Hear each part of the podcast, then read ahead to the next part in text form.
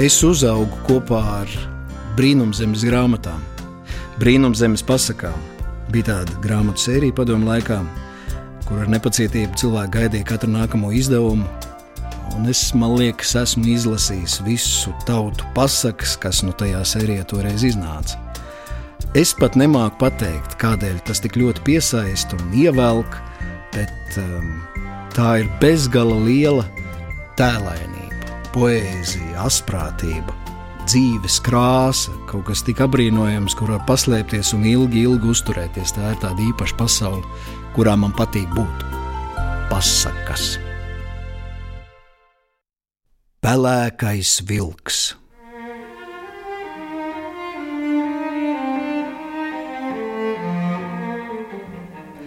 Reiz kādam saimniekam bijušas divas meitas. Vienai meitai tēvs apsolījis zelta lokus, otrai zelta vijoles. Kādu rītu tēvs piecēlies labi agri un gājis zelta lokus un zelta vijoles meklēt. No ozola iznācis pelēks vilks un prasījis: Ko tu laba meklē? Meklēju zelta lokus un zelta vijoles. Tās lietas man ir, bet, ja gribi viņas dabūt, tad apsoli man to atdot, ko mājās iedams vispirms ieraudzīsi. Labi, saimnieks nu paņem zelta loku, zelta violas un aiziet. Pret mājām nākot, tas domā, kaut ieli kādu suni, kaķi vispirms ieraudzītu. Bet saimniekam nodoma neizdevās. Līdz ko ver vārtus vaļā, jaunākā meita pretīm. Tēt, vai dabūja gan zelta lietas? Šis gan māja rokām, lai nenāktu, bet tikpat, kas redzēts, tas redzēts. Otrā rītā pelēkais vilks nosūta citu vilku jaunākajai meitai pakaļ. Bet tēvs māte sagudro, labāk savas meitas vietā iedot rokas meitu. Vilks paņem rokas meitu un saka: Sēd uz mana pelēkā cundurpundurkažoka! Vilks aiznes rokas meitu uz meža ozolā. No rīta pelēkais vilks ienes traukā ūdeni, noliek meitai priekšā, lai nomazgātu muti, un tad mīļi prasa: Nu, ko tu mājās būtu darījusi? Kas tev šeit nekaita? Kas nu kaiš? Mājās tagad vārīt saimniekam brokastu. Tad tu nēsi viņa jaunākā meita. Nē, jaunāko meitu saimnieks negribēja vilkam rīklē grūst, iegrūda mani. Kad tu tā runā, tad ej atpakaļ. Vilks no atnes rokas meitu atpakaļ un prasa jaunāko meitu. Jā, jā, tie tev dos gan jaunāko, iedod gana meiteni. Vilks paņem gana meiteni un saka: Sēd uz mana pelēkā cundurpundur kažokā. Vilks aiznes gana meiteni uz meža ozolā. No rīta pelēkais vilks ienes traukā ūdeni, noliek meitai priekšā, lai nomazgātu muti, un tad mīļi prasa: Nu, ko tu mājās būtu darījusi? Kas tev te nekaiš? Kas nu kaiš? Mājās tagad dzītu lopus ganos. Tad tu nēsi saimnieka jaunākā meita. Nē, jaunāko meitu saimnieks negribēja vilku rīklē grūst, iegrūda mani. Kad tu tā runā, tad ej atpakaļ. Vilks no atnes gana meiteni atpakaļ, un tad noprasa itin īsi: Saimniek, vai dosi savu jaunāko meitu, jeb ne? Ja vēl krāpsi, tad tapsi te izputināts. Tagad saimniekam gribot, negribot, jādod īstā. Vilks paņem jaunāko meitu un saka: Meitiņ, sēd uz mana pelēkā kažociņa, mēs viegli aiziesim. Abi aiziet kā vēju uz mežu un nozūd uzolā. No rīta pelēkais vilks ienes traukā ūdeni, noliek meitai priekšā, lai nomazgātu muti, un tad mīļi prasa: Nu, ko tu mājās būtu darījusi? Kas tev te nekaiš? Vai kur man te labi? mājās tagad taisīt māmiņai gultu, tad tu esi īstā. To sakot, pelēkais vilks paliek par slaiku ķēniņa dēlu, lielais ozols par skaistu pili. Viņš aprec saimnieka jaunāko meitu un dzīvo laimīgi.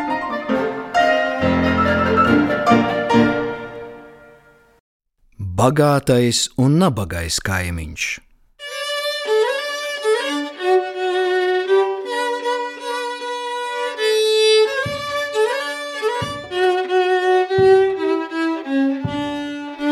Diviem kaimiņiem mājas itin tuvu kopā. Viens ir bagāts, otrs nabaks. Reiz nabagajam piedzimst dēls.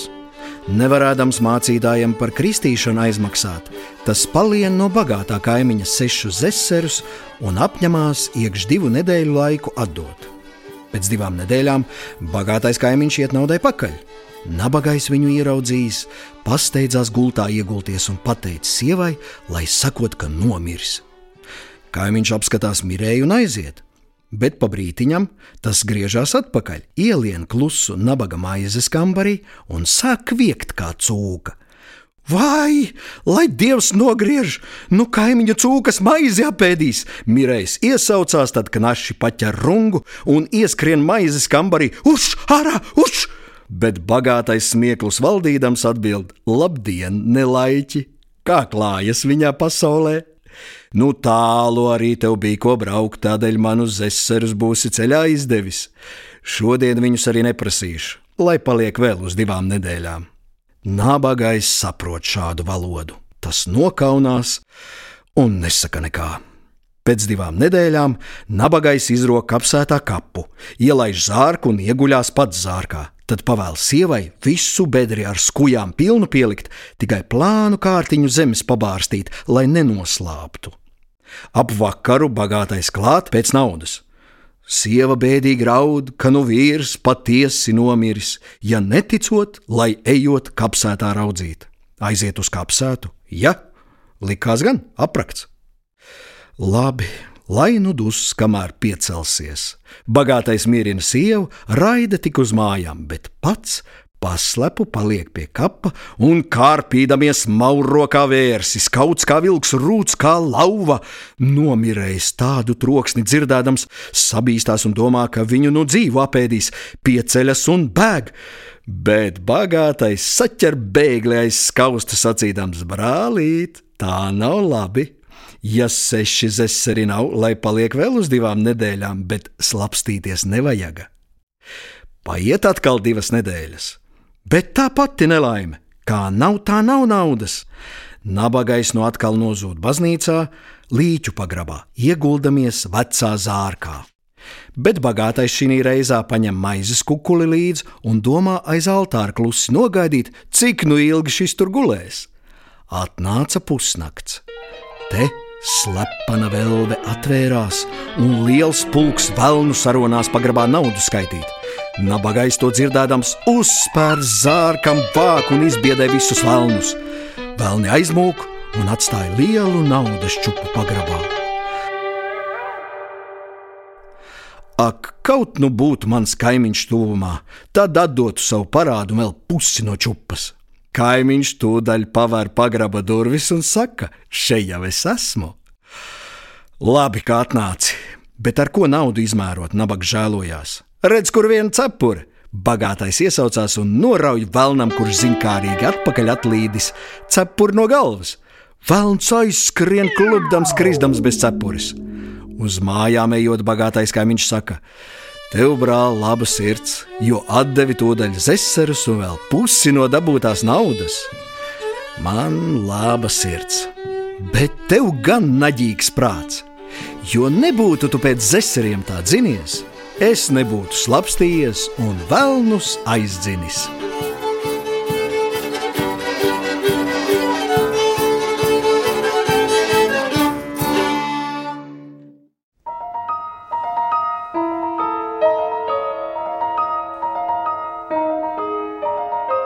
Mačatiņš. Reiz dzīvo kādā būdiņā attapīgs vīrietis vārdā Mačatiņš. Ar savu kungu attapīgais izdzīvojās kā vien tik gribēja. Tā kādu dienu kungs no medībām nākdams iegriežās mačetiņa būdā atpūsties. Mačetiņš, zinādams savu kungu vientiesi esam, izvāra dzelzs podā putru, noceļ no kāša, ienes istabā plāna vidū un tad rāda kungam: Paskaties! Paskaties, vai esi redzējis tādu podu, kur putra istabas vidū bez ugunsmutuļus met? Es tā vienā gabalā daru. Ielēju ūdeni, piebaru putrājumus, nolieku plānu vidū, un podziņš vārās, ka vai ieiet. Kungs paskatās, ja met gan mutuļus, bet to šis nemaz nejēdz, ka putra no uguns nocelta vienmēr kādu laiciņu mutuļo. Mačatiņ, vai zini ko? došu tev 33 pūrvietas zemes pie būdiņas klāt, atdodi man podziņu. Labi. Šis kā tāds mēklis pārnes podu mājā, ieliek zaķi un lai vārās. Bet kas tev bez uguns vārīsies? Kungs, šķiesdamies piekrāpts, liek mačetiņu atsaukt uz mūžu un met ar rungu pa muguru, bet mačetiņš to jau bija mājā varējis pateikt, ka bez sukām neizies. Tomēr, lai kungu atkal piejokotu, tas bija pielējis teļa zarnas ar asinīm un uzsējis uz muguras. Kā nu kungs ar rungu met, tā asins šķīst pa malu malām. Mačatiņš nokrīt gar zemi un kungst. Nosita, nosita, pats savu mačatiņu nosita. Kungs, ieraudzījams savu mačetiņu vienās asinīs, ieskrien pie puišiem un paklusu piekodina, lai iebāžot to maisā un aiznesot uz āliņģi un tur iemetot. Puiši aiznes viņu uz ezeru bet āliņģis aizsalis, jāiet pēc cirvja. Kamēr puiši domā cirvi meklēt, mačetiņš no maisa ārā, iebāž tai vietā akmeņus, puiši noslīcina akmeņus. Otrā, trešā dienā kungs atkal iet uz medībām. Vēl nebija zaķinošāvis, te mačetiņš no būdiņas ārā un svaida viņa kvekšus ar priežu čiekuriem. Kungs ierauga mačetiņu un pabrīnās: Kur tad tu izcēlies? Ko manus suņus svaidi? Tagad svaidu visus suņus ar naudu, jo, kad man pietrūkstās, tad tik ielēcu āliņģi un grābu čupām. Tik nesaki kungs to puišiem, citādi tie arī manīsies ezera dibenā pēc manas naudas. Kungs to izdzirdis, ka našs steidzās uz mājām un lec āliņģi iekšā, bet noiet murmuru murmuris dibenā un meklē vēl šodien mačatiņa naudu.